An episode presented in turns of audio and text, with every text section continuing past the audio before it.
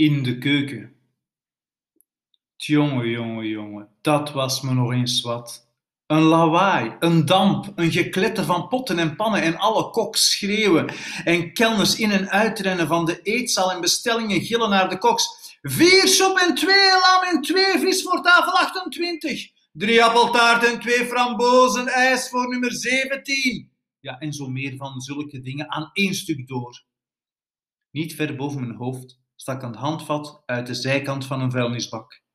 Met het flesje sprong ik omhoog, maakte een hele draai in de lucht en greep het handvat vast met de punt van mijn staart. Plotseling hing ik daar, ondersteboven te zwaaien. Het was fantastisch. Ik vond het zalig. Dit, zei ik tegen mezelf, is hoe een trapeze-acrobaat zich moet voelen als hij in de nok van de circustent door de lucht zweeft. Het enige verschil was dat zijn trapeze alleen naar voren en naar achteren kon zwaaien. Met mijn trapeze, mijn staart, zou ik alle kanten uit kunnen die ik maar wil. Misschien zou ik toch nog wel een circusmuis kunnen worden. Op dat moment kwam een kelner binnen met een bord in zijn hand. Ik hoorde hem zeggen: Die oude taart aan tafel 14 klaagt dat haar vlees te taai is. Ze wil een ander stuk. En een van de koks zei: Hier met dat bord. Ik liet op de grond vallen en keek om de vuilnisbak heen. Ik zag de kok het vlees van het bord schrapen en er een ander stuk op kwakken. En toen zei hij: Vooruit, jongens, geef maar een beetje saus erbij. Hij ging met het bord de hele keuken rond. En weet je wat ze deden? Weet je wat ze deden? Alle koks en keukenhulpjes spuugden op het bord van de oude dame.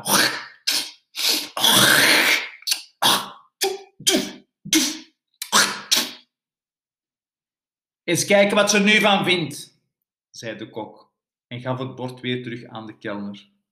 Al gauw kwam een andere kelner binnen en schreeuwde: Het hele KVVWK-gezelschap wil de soep. Op dat moment ging ik overeind zitten en spitste mijn oren. Ik kon alles zien wat er in de keuken gebeurde. Een man met een hoge witte muts, die de chef-kok geweest moest zijn, schreeuwde: Doe de soep voor het gezelschap maar in de grote zilveren soepterrine. Ik zag de chef-kok aan de overkant van de keuken een grote zilveren bak neerzetten op een lange houten tafel die de hele wand van de keuken besloeg. De soep gaat in die zilveren bak, zei ik tegen mezelf. Dus daar moet ook het spul uit mijn flesje in. Ik zag dat hoog boven de tafel, vlak bij het plafond, een lange plank vol soeppannen en braadsleden was. Als ik een manier kon vinden om op die plank te komen, dacht ik, dan zit ik goed dan ben ik recht boven de zilveren bak. Maar ja, eerst moest ik op de een of andere manier de keuken oversteken en op de middelste plak zien te komen. Ik kreeg een prachtidee. Opnieuw sprong ik omhoog en haakte mijn staart rond het handvat van de vuilnisbak. En toen begon ik ondersteboven hangen te zwaaien en te zwaaien en te zwaaien. Ik zwaaide hoger en hoger en hoger. Ik herinner me dat de, de, de, de trapeze-acrobaat die ik vorig Pasen in het circus had gezien. En op die manier waarop hij de trapeze steeds hoger en hoger liet zwaaien en toen losliet en door de lucht vloog. Dus haakte ik precies op het goede moment op het hoogtepunt van de zwaaiende staart los, zeilde dwars door de keuken en maakte een volmaakte landing op de middelste plank. Jongen, jongen, jongen, dacht ik. Wat kunnen muizen een fantastische dingen doen? En ik ben nog maar een beginneling. Niemand had me gezien. Ze hadden het allemaal veel te druk met hun potten en pannen. Vanaf de middelste plank slaagde ik erin via een kleine waterpijp omhoog te klimmen en in minder dan geen tijd was ik op de bovenste plank onder het plafond tussen de soeppannen en braadsleden. Ik wist dat niemand me hier zou kunnen zien. Het was een ideaal plekje. Ik scharrelde over de plank tot recht boven de zilveren bak waar ze de soep in gingen doen. Ik zette het flesje neer en schroefde de dop eraf. Ik kroop tot aan de rand van de plank en goot de inhoud vliegensvlug in de zilveren bak beneden. Meteen daarop kwam een van de koks met een reusachtige pan vol dampende groentesoep en goot alles in de zilveren bak. Hij deed de deksel op de bak en schreeuwde: De soep voor het gezelschap kan door! En toen kwam een kelner en droeg de zilveren bak weg. Het was gelukt. Zelfs als ik het er niet levend van afbracht, zouden de heksen toch de muizenmakerdrank binnenkrijgen. Ik liet het lege flesje achter een grote steelpan staan en begon de terugweg over de plank. Het was veel makkelijker om je zonder flesje te bewegen. Ik begon meer en meer mijn staart te gebruiken. Ik zwaaide van de steel van een pan naar het handvat van de volgende, de hele lengte van de plank, terwijl ver beneden mij koks en kelners drugs in de weer waren, ketels kookten, pannen pruttelden en potten borrelden. En ik dacht bij mezelf, dit is pas een leven. Wat is het heerlijk om een muis te zijn en zo'n spannend avontuur te beleven. Ik bleef maar zwaaien. Ik zwaaide op grandioze wijze van handvat naar handvat. En ik had er zoveel plezier in dat ik helemaal vergat dat iedereen me zou kunnen zien. Als hij toevallig opkeek. Wat er volgde gebeurde zo snel dat ik geen tijd had me in veiligheid te brengen. Ik hoorde een man gillen. Een muis! Kijk eens wat een smerige muis! En ik ving beneden een, een glimp op van een man in een witte jas met een hoge witte muts. En ik zag een flits van een staal toen het vleesmes door de lucht zuisde en ik voelde een stekende pijn in het uiteinde van mijn staart. Ai! En plotseling viel, en viel ik hals over kop naar beneden. Zelfs terwijl ik viel, wist ik precies wat er gebeurd was. Ik wist dat het puntje van mijn staart was afgehakt en ik op de grond neer ging storten en iedereen in de keuken achter me aan zou zitten. Een muis! schreeuwde ze. Een muis, een muis, vlug, pak hem! Ik raakte de vloer en sprong op en rende voor mijn leven. Overal om me heen deden grote lazen En ik ontweek ze en rende en rende en rende, al draaiend en wendend en ontwijkend en zigzaggend over de keukenvloer. Pak hem! Pak hem! Sla hem dood! Trap hem plat! gilden ze. De hele vloer leek vol zwarte laarzen die naar mij trapten. En ik draaide en ontweek en ontwende en zigzagde toen in pure wanhoop, zonder te weten wat ik deed, zoekend naar een plekje om het te verstoppen rende ik de broekspijp van een van de koks in en klemde mij vast aan zijn sok. Hè? Hè? schreeuwde de kok. Podori, hij is, hij is in mijn broekspijp! Wacht jongens, nu zal ik hem krijgen! De handen van de man begonnen op zijn been te slaan. En nu dreigde ik echt doodgeslagen te worden als ik niet uitkeek. Ik kom maar één kant uit. En dat was omhoog. Ik sloeg mijn nageltjes in de harige benen van de man en klauterde omhoog, steeds hoger en hoger en hoger voorbij zijn, knuit, zijn kuit en zijn knie en langs zijn dij. Wel almachtig! gilde de man. Hij gaat helemaal naar boven! Hij gaat langs mijn been omhoog! Ik hoorde de andere kok schieren van het lachen, maar ik kan je verzekeren dat er voor mij niet veel te lachen viel. Ik rende voor mijn leven. De handen van de man sloegen overal om me heen en hij sprong op en neer alsof hij op hete kolen stond. En ik klauterde steeds hoger en hoger en bleef zigzaggen. En al gauw, al gauw was ik boven aan de broekspijp en ik kon niet verder. Help! Help! Help! Hij zit in mijn onderbroek! Haal hem eruit! Laat iemand me helpen! Haal hem eruit! Doe je broek dan uit, Elskeke! schreeuwde een ander. Laat je broek zakken, dan we hem zo, zei een andere kok. Ik was nu hoog in de broek van de man. Daar waar de twee pijpen samenkomen en de rits begint. Het was er donker en bloedheet. Ik, ik, ik wist dat ik door moest gaan. Ik rende door en ik vond het begin van de andere pijp. En ik liet me als de bliksem naar beneden glijden. Ik kwam er onderuit en was weer op de vloer. Ik hoorde de stomme kok nog schreeuwen: Hij zit in mijn broek! Pak hem! Pak hem! Laat iemand me alsjeblieft helpen! Straks bijt hij nog! In mijn piemel! In een flits zag ik hoe al het keukenpersoneel om hem heen stond te brullen van het lachen. En niemand zag het kleine bruine muisje dat over de vloer wegschoot en in een zak met aardappelen dook.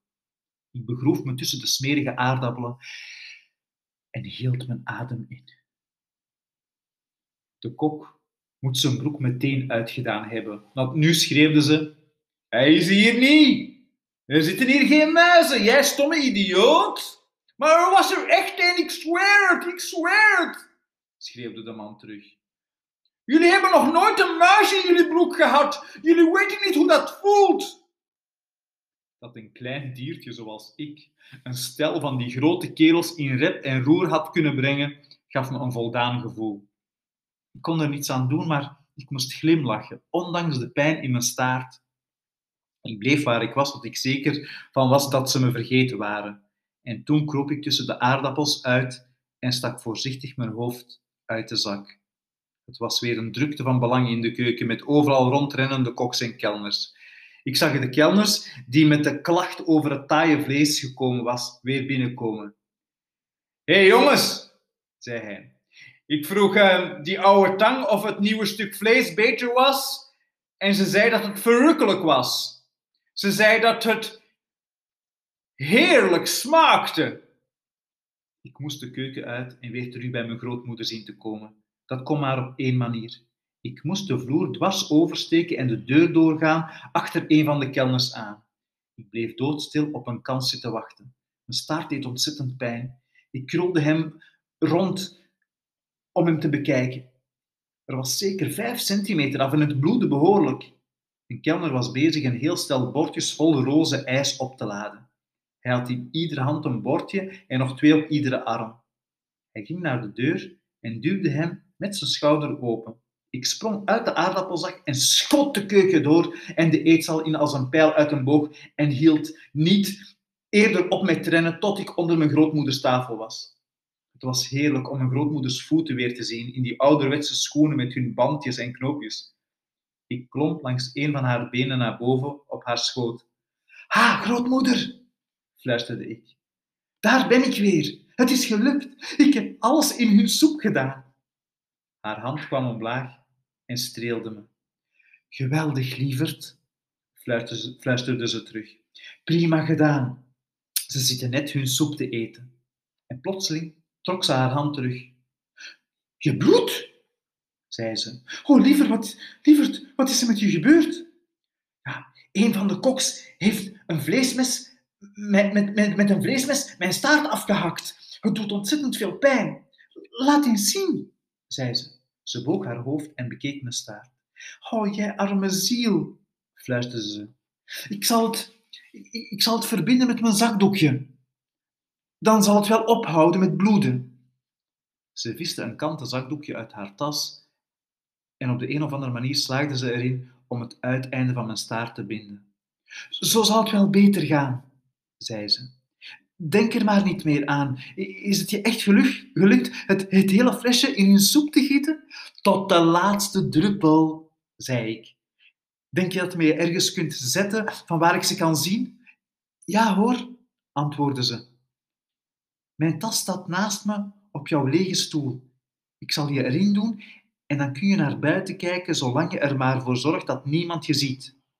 Bruno zit er ook, maar van hem zul je geen last hebben. Ik heb hem een broodje gegeven en daar is hij wel even zoet mee. Haar hand sloot zich om me heen en ik werd van haar schoot getild en in haar tas gezet. Ha, Bruno, zei ik. Dat is een heerlijk broodje, zei hij ijverig knabbelend. Maar ik had er wel graag boter op gehad. Ik keek over de rand van de tas. Ik zag de heksen heel duidelijk aan hun twee lange tafels midden in de zaal zitten. Ze waren klaar met de soep en de kelners waren bezig hun borden weg te halen. Mijn grootmoeder had een van haar walgelijke zwarte sigaren opgestoken en blies de rook in het rond. Overal om ons heen, in dit nogal deftig hotel, zaten vakantiegangers druk te praten en te eten. Ongeveer de helft van hen waren oude mensen met wandelstokken, maar er waren ook heel wat gezinnen van man, vrouw en een paar kinderen. Het waren allemaal welgestelde mensen. Dat moest u wel zijn als je in Hotel Magnificent wilde logeren. Dat is haar grootmoeder, fluisterde ik. Dat is de opperheks. Dat weet ik, fluisterde mijn grootmoeder terug. Het is dat kleintje in het zwart dat aan het hoofd van de tafel aan deze kant zit. Ze zou je zo kunnen doden, fluisterde ik. Ze zou iedereen in de zaal hier met haar witgloeiende vonken kunnen doden. Kijk uit, fluisterde mijn grootmoeder. Daar komt de kelner. Ik dook weg en hoorde William zeggen: Hier is uw lamsvlees, mevrouw, en welke groente wilt u erbij? Erwtjes of worteltjes? Uh, worteltjes graag, zei mijn grootmoeder, maar geen aardappelen. Ik hoorde hem de worteltjes opscheppen. Bleef even stil. En toen fluisterde de stem van mijn grootmoeder: Het is in orde, hij is weg. Ik stak mijn hoofd weer naar buiten. Niemand ziet het toch, hè, wanneer ik mijn hoofd eruit steek, fluisterde ik. Nee hoor, antwoordde ze, dat denk ik niet. Mijn probleem is hoe ik met je moet praten zonder mijn lippen te bewegen. Je doet het prima, zei ik. Ik heb de heksen geteld, zei ze. Het zijn er veel minder dan je dacht. Je raadde er maar naar toen je 200 zei. Maar het, het leek er wel 200, zei ik. Ik had het ook mis, zei mijn grootmoeder. Ik dacht dat er veel meer heksen in Engeland waren dan dit. Hoeveel zijn er dan? vroeg ik. 84, zei ze. Het waren er 85, zei ik. Maar één van hen is gefrituurd. En op dat moment zag ik meneer Jenkins, Bruno's vader, op onze tafel afkomen. Kijk uit, grootmoeder, fluisterde ik. Daar heb je Bruno's vader!